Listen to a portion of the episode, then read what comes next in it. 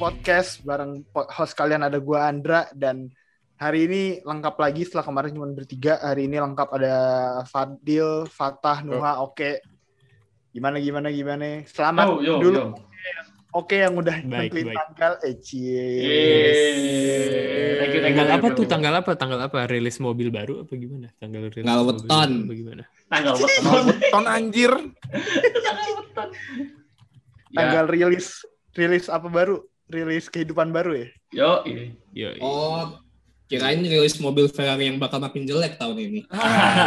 Gila Ferrari. Ah, meremehkan, meremehkan dia kayak meremehkan. Meremehkan, meremehkan. Kan hukumannya udah dicabut, hukumannya Hukumannya setahun doang. Bener. Kemarin Setahun, kemarin Setahun episode doang. episode kemarin kagak ada dua fans Ferrari puas anjing bertiga ngata-ngatain Ferrari Oh, iya. oh, iya- oh iyalah. Gak ada yang Untung gak ada lah. yang belain puas Untuk episode kemarin yang edit bukan gue, jadinya sedikit terobati lah. Cuma dengerin. kalau lo yang edit kalau lo yang edit banyak yang dikat ya banyak yang dikat kayaknya. btw sekarang tanggal tapping tanggal 1 Maret malam kita udah masuk bulan Maret yang berarti eh, tadi udah gue post Bulan di sibuk. WNF1 bulan yang sibuk-sibuk karena dan akhir bulan bakal kita masuk ke Rawecik Rawecik Bahrain Grand Prix. Eh tapi musim ini eh, buat eh, apa nyambung Nuha musim ini eh, soundtracknya masih ini nggak masih Iyalah, bikinan jangan dari ganti-ganti Ah, anjir tuh udah bagus. Di- Jangan ganti. Di rearrange sih harusnya 2018 tuh udah bagus tuh. Iya, Sama- jangan iya. lah, jangan. Itu udah ikonik tuh. diganti gitu lagi. loh, suspense Iya. yang kayak pas di akhirnya itu tuh hilang gitu loh, nggak ada. Iya, Jadinya apa ya? Pas 2020 udah siap-siap gitu terus tiba-tiba endingnya anti klimaks tuh nggak asik sih jujur Iya, sebenarnya. Jadi menurut gue sih bring back tim 2018 2019 lah. siapa namanya komposernya namanya Bikin siapa komposernya Gitu, namanya Aduh, yang bikin ini Yang Pak Aduh, lupa tapi dia banyak Iya. ininya. Brian, Brian Tyler. Tyler. Oh ya, Brian Tyler ya? Tyler. Brian Tyler, Tyler. ya. Mr. Brian Tyler. Udahlah, nggak usah Ah, Brian. Tyler ya. iya. Dan nah, bulan Maret banyak ini kenapa? Apanya? ya. Ya apa maksud gue track record di lagunya banyak gitu Avenger. Banyak. Iya, Avengers, namanya juga komposer. Iya, Hmm. memang emang nggak kaleng-kaleng lah kalau pilihan Paling F1. kaleng lah kalau udah mainnya di Hollywood lah. Udah sekelas siapa itu namanya Hans Zimmer. Iya. Ini. Iya. Nah, bulan Maret ini banyak banget kegiatan yang eh, bakal ada, apalagi di minggu ini. Minggu ini nih ada satu, dua, tiga, empat, lima tim yang bakal Hmm. eh, launching mobil barunya. Dimulai dari hari Selasa besok ada Mercedes sama Alpine, terus tanggal tiganya ada Aston Martin, tanggal empatnya Haas, tanggal limanya Williams. Eh, itu empat hari berturut-turut ada lima tim yang bakal ngerilis mobil. Alhamdulillah. Terus nanti di tanggal 10 ada Ferrari yang bakal nge-launch mobilnya. Eh, kemarin tanggal 26 Februari mereka cuman ngerilis eh, apa? Teamwear baru sama Yap. foto-foto driver baru. Eh, terus tanggal 12 sampai 14 pre-season test di Bahrain. Tanggal 19 jangan lupa yang belum perpanjang langganan Netflix-nya dan yang Oh, belum iya. langganan Netflix di langganan dulu karena Drive to Survive season 3 eh, bakal langsung keluar 10 episode eh eh 10 episode ya apa udah belum ada ini lagi 10 episode langsung. Eh, eh belum tahu ada bakal ada beberapa berapa episode. Tapi kalau Drive to Survive sih biasanya satu hari langsung Iya, keluar satu hari semua langsung. episode. Yoi, dan Oh, iya. langsung Mungkin tanggal nggak harus manjangin Netflix juga sih, Indra. Mungkin bisa minjem atau ya sharing sharing ya kan bisa sharing-sharing kan. Iya, kalau bisa nonton legal nonton legal lah Iya, kalau bisa nonton legal usahakan nonton legal. bener terus tanggal 26 sampai tanggal 28 race weekend Bahrain Grand Prix Akhirnya ya. Yoi. nggak berasa berapa ya. bulan berapa bulan sih nggak ada Tiga, race kita tiga bulan, eh tiga bulan ya eh, tiga setengah lah kurang lebih. tiga setengah tiga setengah semenjak terakhir di Abu Dhabi Iya. Uh, dan di antara itu di antara bulan-bulan kita nggak ada race uh, weekend kemarin ada race yang ya ibaratnya sebelum F1 kita siap-siap pemanasan dulu Uh, Hmm. kita nonton race lain selain F1 ada Formula E kemarin yang uh, Iya. round 2 ya ternyata kemarin Round Iya, dua. round 2. Round Jadi dua. kalau Formula itu kadang ngakuin di satu tempat. Sama kayak F1 pas tahun kemarin sih. eh, Hmm. Di satu tempat eh, dua race sekaligus. Yes. Dan kemarin Formula E race di Saudi Arabia, tempat yang udah lama jadi kontroversi buat uh, para fans F1 yang banyak yang nggak setuju bakal race di situ. Uh, dari Formula E kemarin Fatah nih yang nonton kan. Hmm, Uh, iya. Ada kejadian apa aja tah yang menarik tah? Wah, kemarin. gila sih. Eh, jujur ya, kalau kalau dari segi racing dan bukan dari segi mobilnya, Hmm. eh, Formula E menurut gue eh, sangat amat entertaining. Tapi ya of course kan mobilnya spek ya eh, secara chassis dan aerodynamics, jadi ya nggak apple to apple sih. Tapi maksud gue kalau dari pure racing aja gitu, itu race yang sangat amat menghibur eh, dan apalagi eh, perebutan posisi nggak cuman di bawah doang, tapi di posisi 1, 2, 3 tuh sebelum akhirnya sesinya di red flag tuh itu entertaining banget sampai gue nge-tweet di Twitternya di WNF1 gue bilang ini Formula E sinting tapi emang kudos sih buat Formula E eh, ini banget sih sangat amat entertaining Nah, Dil, race-nya. kemarin kan uh, kata Fatah ada red flag kan. Emang ada apaan Dil kemarin? Wah itu ada- parah kemarin itu crashnya si ini aduh ntar gue kemarin Bener, bener. lihat itu dirilis eh di Formula sebenarnya sih bukan Formula E kayaknya juga dari rilis ya. jadi ada eh, ini ya CCTV. CCTV-nya. CCTV si Alex Lin kecelakaannya Lin. ngeri banget kalau misalnya lu inget kecelakaannya si siapa tuh yang pembalap cewek di ah gue lupa namanya Sofia Flores kalau nggak salah ya gue lupa Sofia yang, Flores di Iya. Macau ya di Macau yang kecelakannya dia benar-benar sampai kebalik Iya. Nah, tapi kan Sofia Flores yang lebih parah ya. Nah, ini masih Hmm. mending dia ini masih si mending Alex tapi kemarin cukup masih- mengerikan sih iya masih masih untung ada run off-nya. Nah, ini kan kalau kemarin Sofia Flores benar langsung hantem ini kan pembatas. Langsung, iya. Hmm. Ini eh Alex Lin sempet ini ya sempet Iya, duel. lagi duel sama Nah, cuman Sebastian sayangnya nggak salah. ban, iya. cuman sayangnya ban depannya kena ban belakang yang mobil depannya ya udah kan kalau misalnya mobil kenceng-kenceng lu nyenggol dikit aja. Nah udah. Udah hilang Hmm. tuh kontrolnya. Ya udah. Jadi wah ngeri banget gila crashnya untung. Hmm, terus ada yang nyamperin lagi. Wah gila itu sportivitasnya Hmm. keren sih. Iya. kalut gue Dan yang bikin tambah mengerikan tuh adalah bahwa pas dia crash itu di depannya ada mobil yang abis crash juga. Jadi di depannya Nah, ada iya, iya, lagi iya, duel iya. juga, Banget, nabrak dan ke run off. Untungnya nggak nabrak apa? untung aja Nggak nabrak mobil yang dua itu sih. Itu kalau nabrak sih nggak tahu deh gue. Yang ngebantuin namanya Mitch uh, Mitch Evans kemarin. Evans. Iya, Mitch Evans. Ah, Mitch Evans. Nah, Dan uh, itu, Nuh lu lihat alasan Nuh, alasan apa? alasan alasan di red flag kan dan gak ditunjukin itu makanya Iya. pas nonton gue pribadi agak bingung lah kok tiba-tiba di red flag kayak gini doang kok di red flag gitu tapi Iya, soalnya ada- pas di pas di alasan race-nya itu di broadcastingnya nggak ditunjukin Iya. ya. nggak soalnya nggak depannya nunjukin ada yang- sampai yakin aman banget Soalnya depannya ada yang crash juga itu Ada dia katanya nge- nge- kamera broadcastingnya fokus ke crash yang satunya terus baru tiba-tiba uh, red flag dan pas itu Soalnya uh, kan jangan lumayan lumayan jauh kan crashnya Alex Lin dengan crash yang depan kan lumayan jauh gitu. Hmm, hmm, hmm, hmm. makanya lumayan. Nih ngeri sih kalau ngelihat uh, crashnya. No. Ya dan Ini dan, apa? seka- dan Hmm. sekali lagi Halo ber Halo menyelamatkan lagi kan Iya. kelihatan jelas Iya. banget kan habis terbang kebalik keseret sampai sampai ke run out-nya kan wah itu gila sih Hmm, sekali lagi Halo Iya.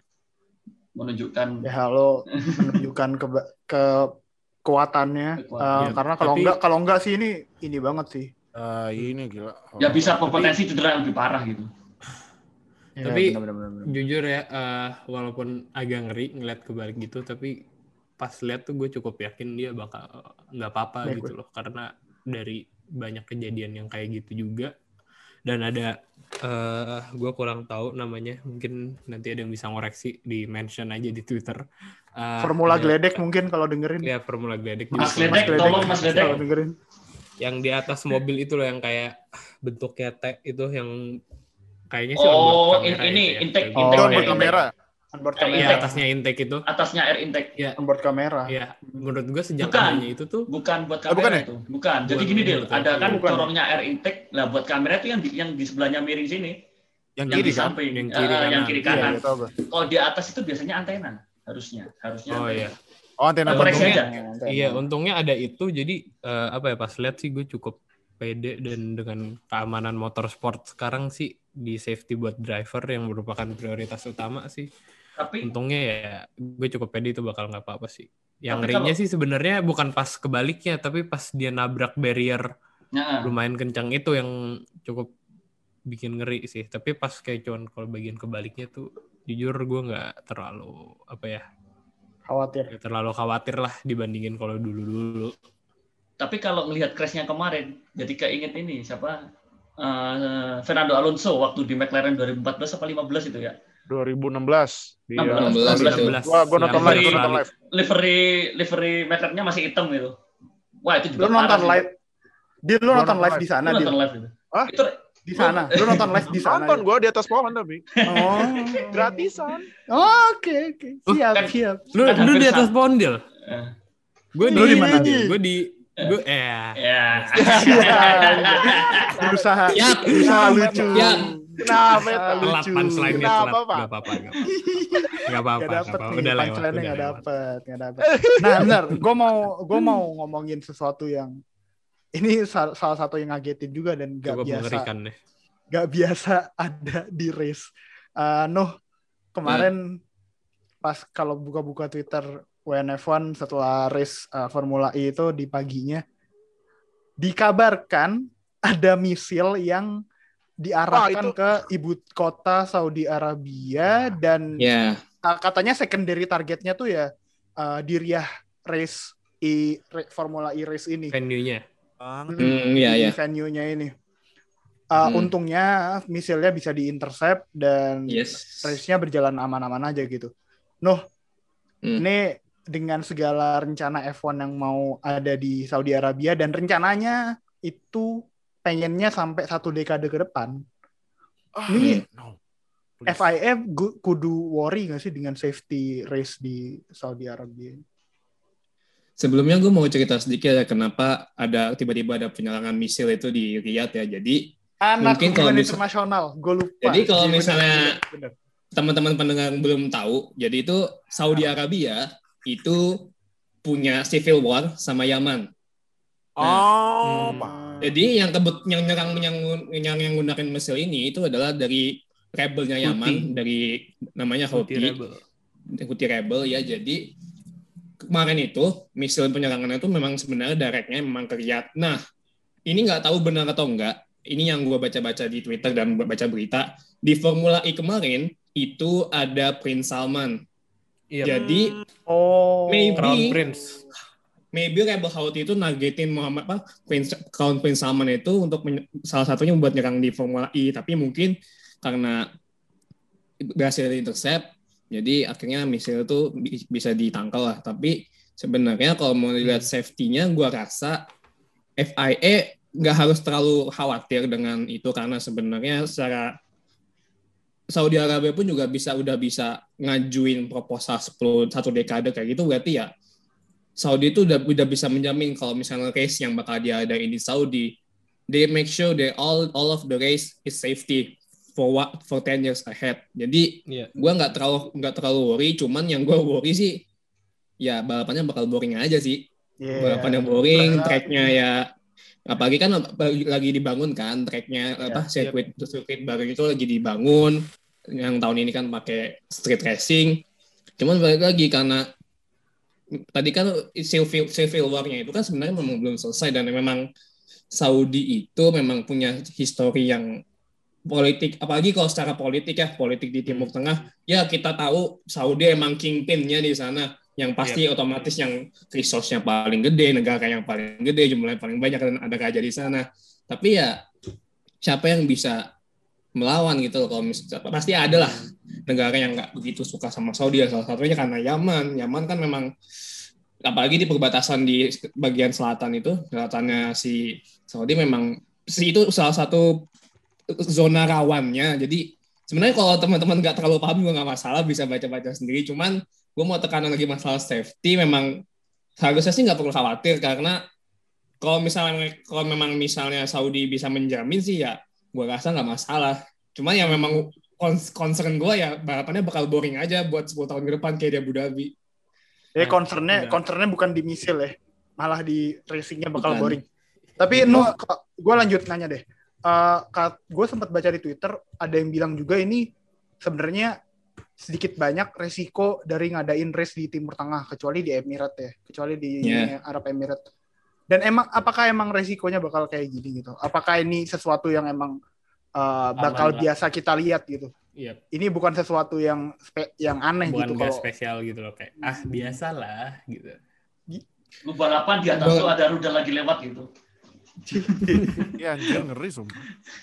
bukan bukan harus terbiasa ya tapi karena memang keadaan di Timur Tengah itu memang mungkin banyak yang bilang oh Timur Tengah banyak duit kaya. Tapi kenyataannya di Timur Tengah sendiri itu keadaannya memang tidak seperti apa yang kita bayangkan. Yang dibilang negara kaya toh juga ada konfliknya ya. Salah satunya tadi yang udah gue bilang tadi Saudi Arabia sama Yaman.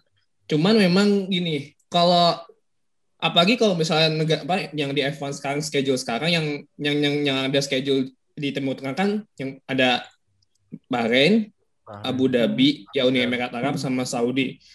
Secara sebenarnya yang tiga negara ini secara duit oke lah. Mereka resource punya semua. Tapi kalau masalah safety, gue agak memang sebenarnya sedikit meragukan Arab Saudi karena memang banyak konflik yang terjadi sama mereka. Tapi kalau untuk membiasakan itu sih, gue bukan membiasakan sih. Jadi karena kita harus prepare kalau tiba-tiba ada hal itu terjadi lagi. Bukan harus terbiasa, kita harus prepare karena Oh, oke. Worst case tuh- scenario gitu lah ya.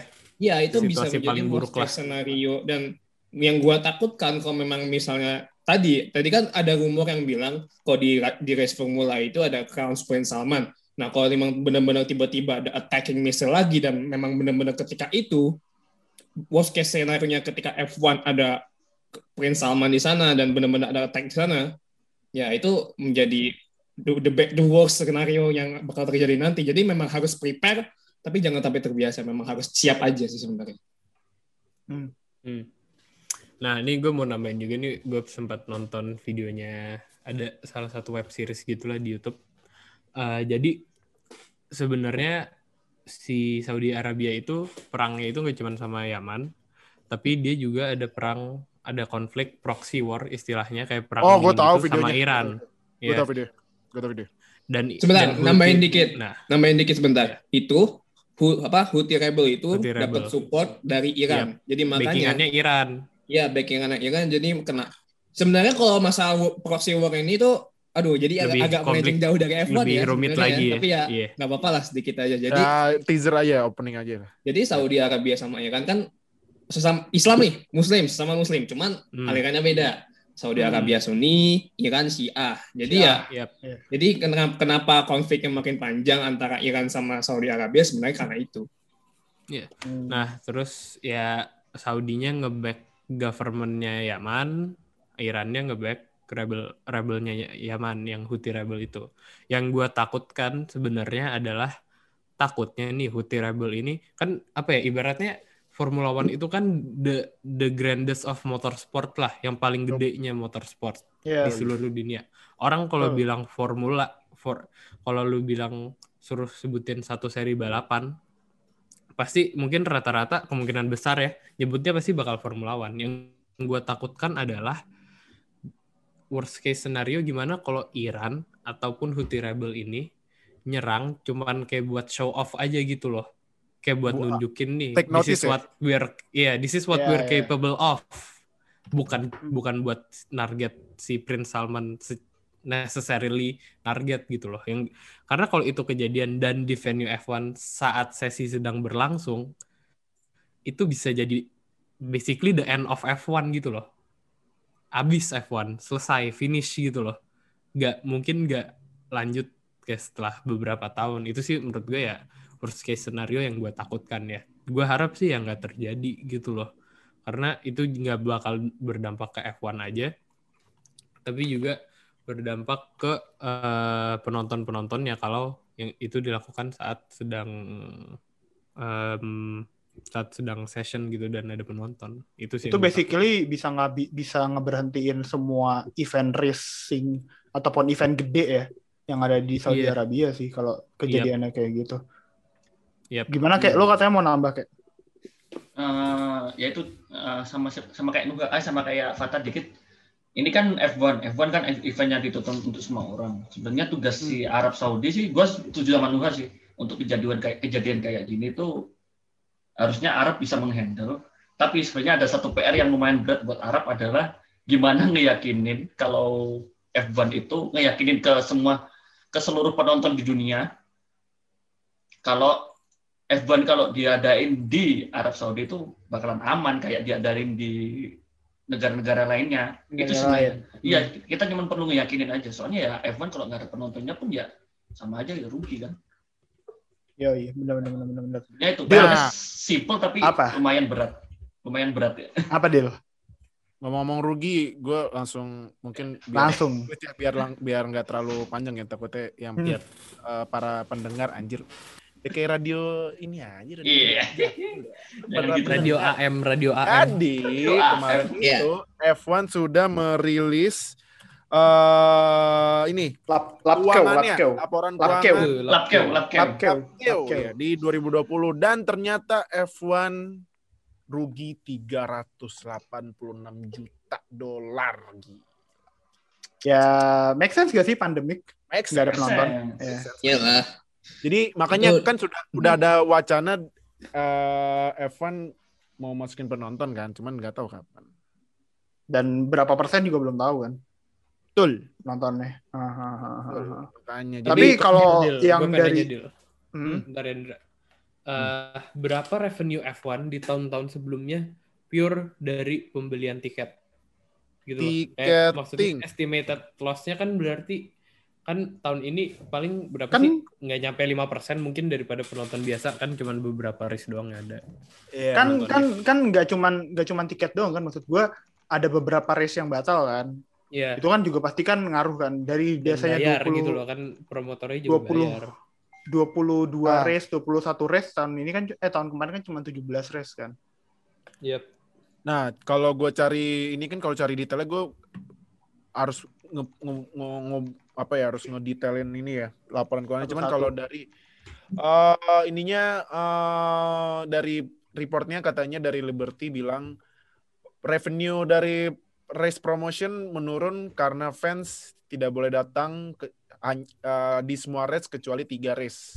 Nah, terus Ya, Broad, nah, cuman yang naik ini eh, pendapatan broadcast karena orang pada nonton kan dari 38 Iya. persen, benar. 55 persen. Nah, cuman eh cuman ya ini paymentnya walaupun naik dikecilin. Nah, terus juga eh ya advertising sama sponsorshipnya naiknya dikit dari 15 ke 17 persen. Nah, sama- Del, gue mau nanya dong. Dari laporan keuangan yang lu baca, income terbesar F1 tuh apa sih? Aduh, income terbesarnya, aduh, kalau income terbesar lagi sih jawabannya harus dipilah lagi sih. Cuman kalau misalnya kalau gue baca ya dari sini ya ini pasti pertama ini kan broadcast lah. Broadcast ya lalu kan dealing sama broadcast. Broadcast harus harus gede kan. Karena kan Uang lu- TV itu uang TV itu gede, Pak. uang TV itu Hak salah siar, satu hak re- siar, hak siar. hak siar itu revenue salah satu revenue yang paling diandalkan di semua sport termasuk bola, termasuk Semua olahraga. basket, NFL dan lain-lain. Nah, terus Apalagi hmm, apalagi Iya. kayak gini kan hak siarnya bisa dijual ke seluruh dunia kan. iya gitu, apalagi Ayo, orang ayo F1 jual ke Mola TV dong. nah tuh, tuh. boleh nggak promosi? Deal, deal, gini deal, buat perbandingan paling gampangnya aja. Ini bener, bener apa? Eh, paling gampangnya aja. Eh, F1 itu untuk musim 2019, F1 itu musim 2019 itu revenue-nya semua itu totalnya 1,7 lah. 1 miliar 780 juta dolar Hmm. Amerika. Itu bandingannya.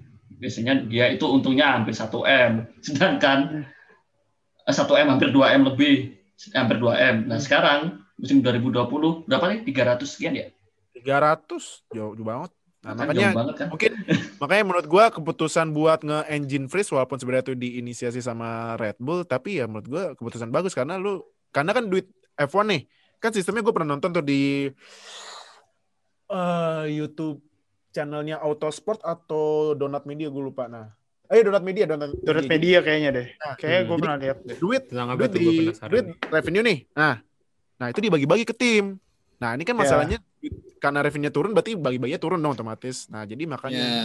gua setuju sama engine freeze.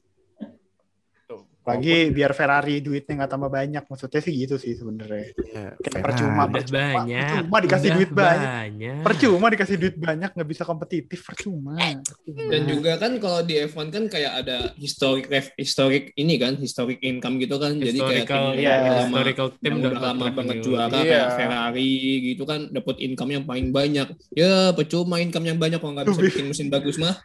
itu itu itu itu income itu pengeluaran F1 yang menurut gue paling sus aneh Iyalah. anjir kena buat itu apa sih aneh sih, anjir? itu aneh. aneh sih itu Itu itu aneh sih Itu kayak aneh. lu Itu- cuman lu dibayar buat loyalty lu ada di F1 berapa ini kan beberapa Ya biar biar tetap ini Ndra, biar tetap tetap main. nempel, biar tetap main, main. biar tetap main makanya ya gitulah. Apalagi tim labil tuh kan kayak Ferrari ngancem-ngancem mulu.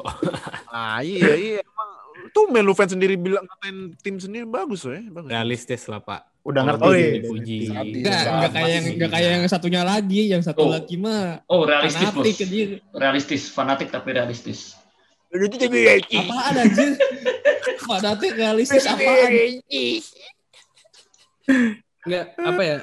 Enaknya F1 itu ya dan komunitas F1 in general tuh nggak ada apa ya? nggak ada nggak ada ini loh, nggak ada sampah-sampahan tim gitu loh dan rata-rata fansnya nggak in denial sama kondisi timnya gitu loh. Lo lihat aja fans-fans Ferrari rata-rata atau kayak kan Ferrari suka ngepost tuh kayak hasil qualifying atau hasil race gitu kan. Lihat aja reply-reply-nya kan mereka realistis semua gitu loh kayak kalau apa sih dihina dan nggak ada yang ngebelain juga gitu loh.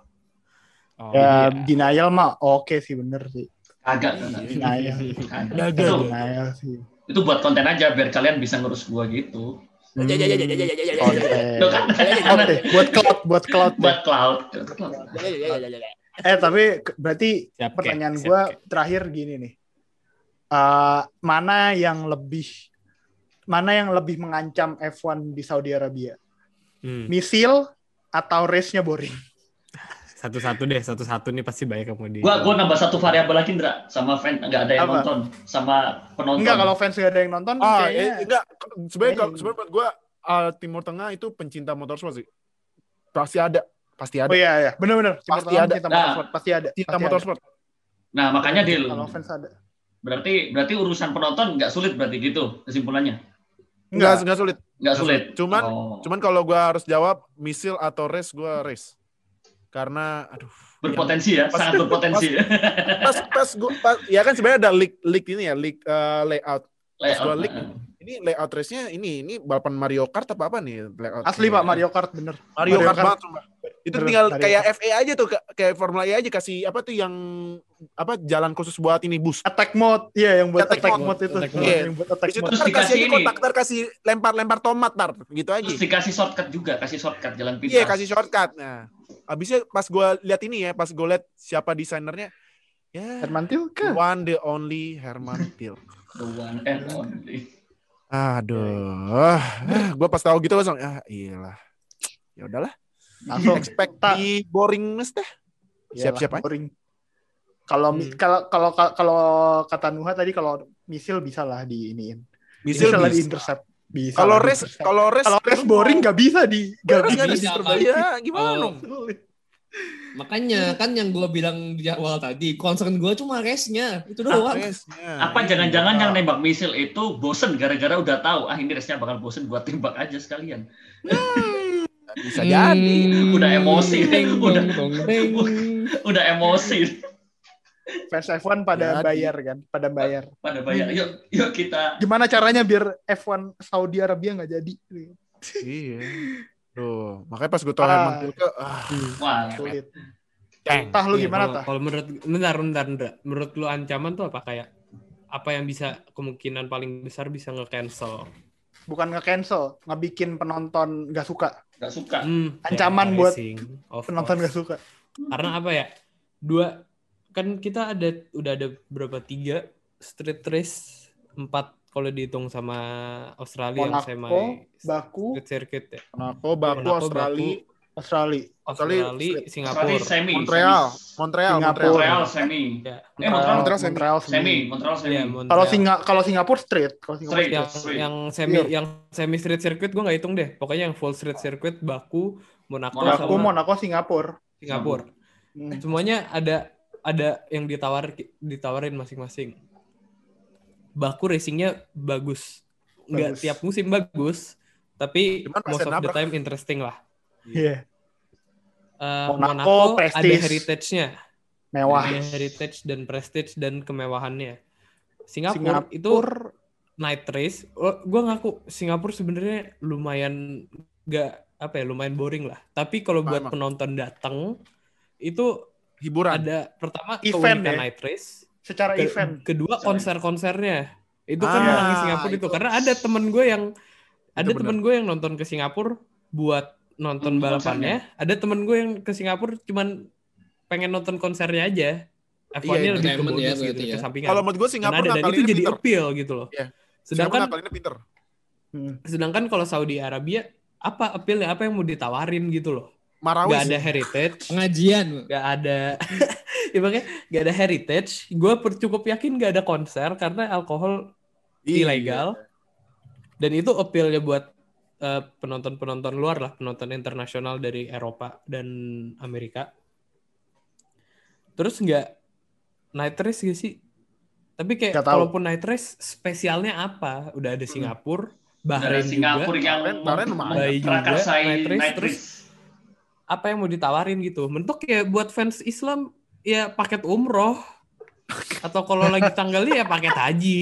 Agak, tapi menurut gue gini loh, kenapa kenapa eh, race Timur Tengah itu nggak bisa sekeren Bahrain gitu loh? Aneh aja, aneh aja gitu loh. Kenapa mereka nggak bisa? Ya Hmm. karena karena Bikin- gini menurut gue karena karena Bikin- karena orang Timur Tengah itu kaku. Mereka mau ngakalin tuh susah. Ya, Hmm. ya dan kebetulan Karena kalau ada Bahrain street- itu Hmm. Bahrain itu sirkuitnya emang bagus. Nah, iya, kenapa? sirkuit. Kenapa Karena- yang karena- lain gak bisa? Ya nggak tahu kalau itu. Karena di Timur tergantung Tengah desainer. tuh strik Timur Tengah tuh striknya ada aja, ada aja, ada Ya. aja. Yang lu nggak pikirin ternyata ada striknya gitu deh. Tapi ya nanti jangan-jangan misil itu bakal ini bakal jadi entertainment yang rutin tiap Ntar- tahun itu nanti. Iya, karena na- nanti kan tracknya misalnya kalau berani kayak Mario Mario Bros, nah eh Mario Kart, nah udah tuh isinya buat nembakin mobil depan aja, nembakin siapa gitu. Kalau enggak, misilnya itu buat ini kayak kan jadi kayak sebelum pembukaan acara F1 kan ada kayak nyanyi Pesawat. lagu kebangsaan terus sama pesawat terbang kan. Nah, itu misilnya tuh buat gantiin itu, gantiin pesawat ada misil. Ah, bisa jadi. Atau pas finish kan kalau di Abu Dhabi itu ada kembang api tuh, nah itu ganti misil itu bisa. Ya itu beli bisa, bisa. Ya itu pokoknya misil tuh ternyata kemarin yang dikasih di Formula E itu bagian dari Testing, entertainment. lagi testing, Nah, lagi testing. itu- Ah, testing, testing tapi ternyata dianggap sama yang intercept tuh ancaman, makanya di intercept misilnya. Padahal mah aslinya Iya, entertainment.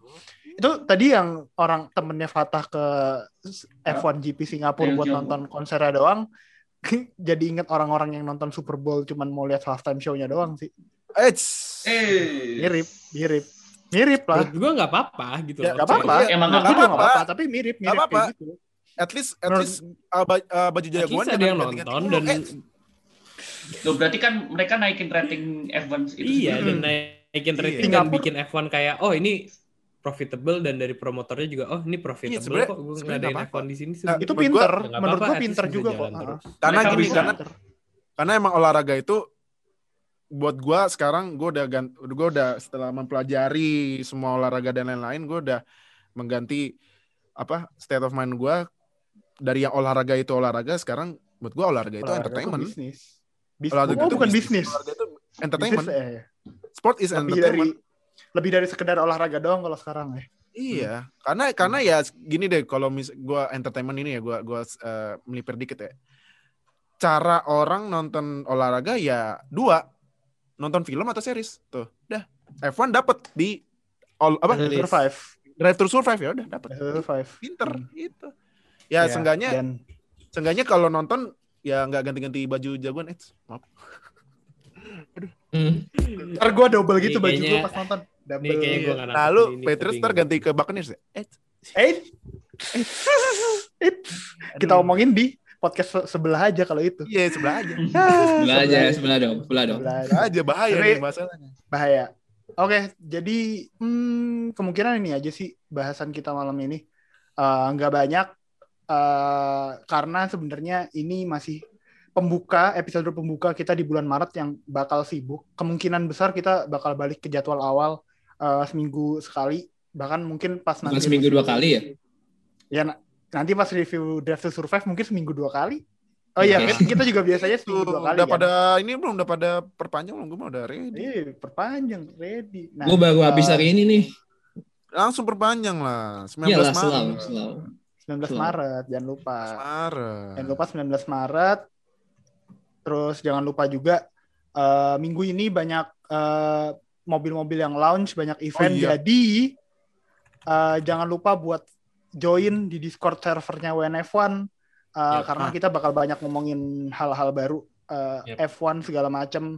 Eh, ngobrolin F2 juga kemarin ada, ngobrolin FA kemarin Ngobrol- ngob- itu. Ngobrolin kebanggaan kita semua nggak apa-apa boleh. Gak apa-apa, boleh. Yang kemarin datang tapi ini belakangnya back backdropnya salah namanya.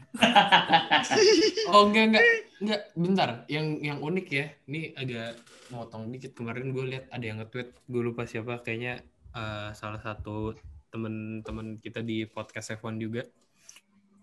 Eh bilangnya ini aja baru menang Asian Le Mans ya Asia. Udah kayak gini gitu selebrasi ya. Lu kebayang gak sih gimana kalau nanti menang kayaknya nggak mungkin sih menang 24 hours of Le Mans kan nggak nggak masuk kategorinya Enggak, bukan bukan ngeremehin, bukan ngeremehin. Emang nggak mungkin aja LMP itu bisa menang 24 hours of Le Mans kecuali LMP one Iya, nya benar. crash semua atau DNF semua ya baru mungkin. Tapi gue Nah, hypercar. unlikely scenario lah. Tapi kayak kalau dia menang yang lain tuh gimana gitu loh selebrasi ini masih baru Asian Le Mans gitu loh.